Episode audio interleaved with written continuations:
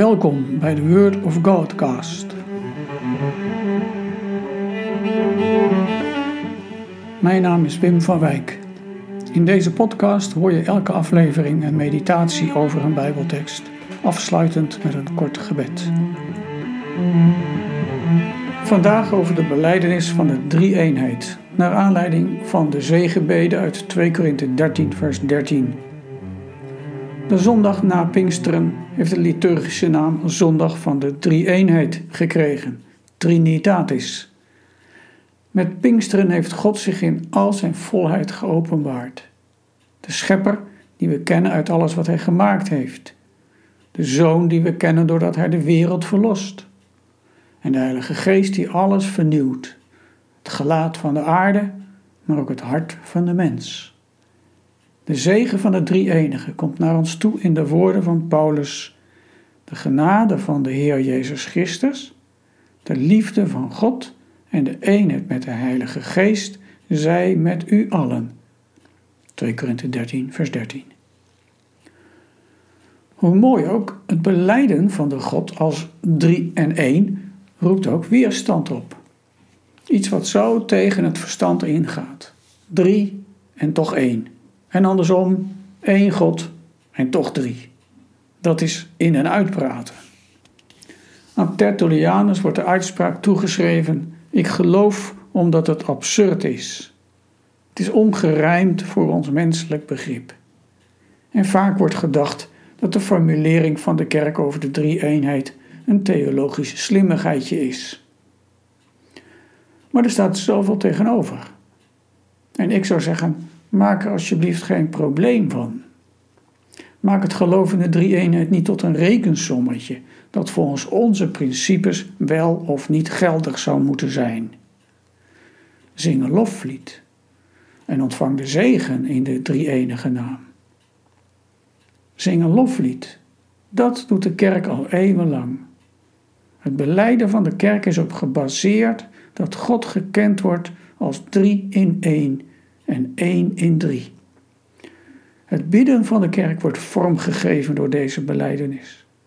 Heel de liturgie, de kerkmuziek van alle eeuwen valt weg als er niet dit zou zijn: het eer aan God de Vader, de Zoon en de Heilige Geest, zoals het was in het begin en nu en altijd tot in de eeuwen der eeuwen. God is zo groot dat Hij je verstand, jouw bevattingsvermogen te boven gaat. God is zo groot dat jouw gevoel hem niet kan vatten. God is zo groot, voor Hem zijn al jouw daden nietig en klein. Daarom geloof je in Hem. En ik denk dan ook dat je in die uitspraak van Tertullianus de nadruk moet leggen op dat eerste.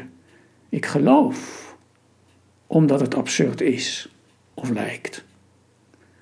En dan is geloven niet iets domwegs, maar juist vol vertrouwen, vol hoop, vol geloof, vol liefde.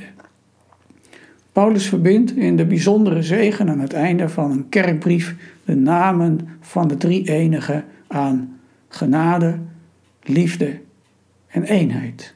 Genade van Jezus Christus, liefde van de Vader, eenheid met de Heilige Geest. Ons bestaan wordt nu daadwerkelijk bepaald door die drie namen van de ene God. We leven onder de zegen van de drie enige. We vertrouwen op de genade die Jezus Christus gekenmerkt heeft en dat jij daarin mag delen. We weten ons gedragen in de liefde die de Vader ons bewijst. Je mag zijn geliefde kind zijn. En we geloven dat de verbinding met de Vader en de Zoon er is door de Heilige Geest. Eenheid met God. En zo eenheid met elkaar in de kerk, als de nieuwe mensheid, het nieuwe volk van God. Wanneer C.S. Lewis schrijft over de driepersoonlijke God, komt de vraag naar voren welke nut het heeft over een driepersoonlijk wezen te spreken. Hij schrijft dan dat het spreken erover ook geen nut heeft maar dat de mens opgenomen wordt in het volle leven van de drie-enige. Ik citeer: God is de boven het ganse heelal verhevene, tot wie hij bidt. God is ook datgene in hem dat hem aandrijft, de bewegende kracht. En God is ook de brug of de weg waarlangs hij naar dat doel wordt voortgedreven. Al dus openbaart zich het ganse drievoudige leven van het driepersoonlijk wezen in zeer reële zin in die kleine slaapkamer waar een nietig mens een kind zijn gebed doet. Einde citaat.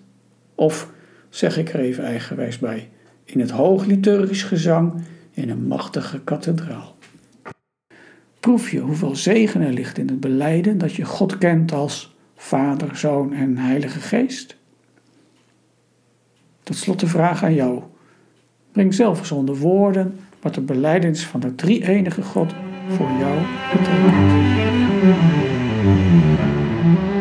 We bidden. Vader, sla ons steeds in liefde gade. Zoon des Vaders, schenk ons uw genade. Uw gemeenschap, geest van God. Amen, zij ons eeuwig lot.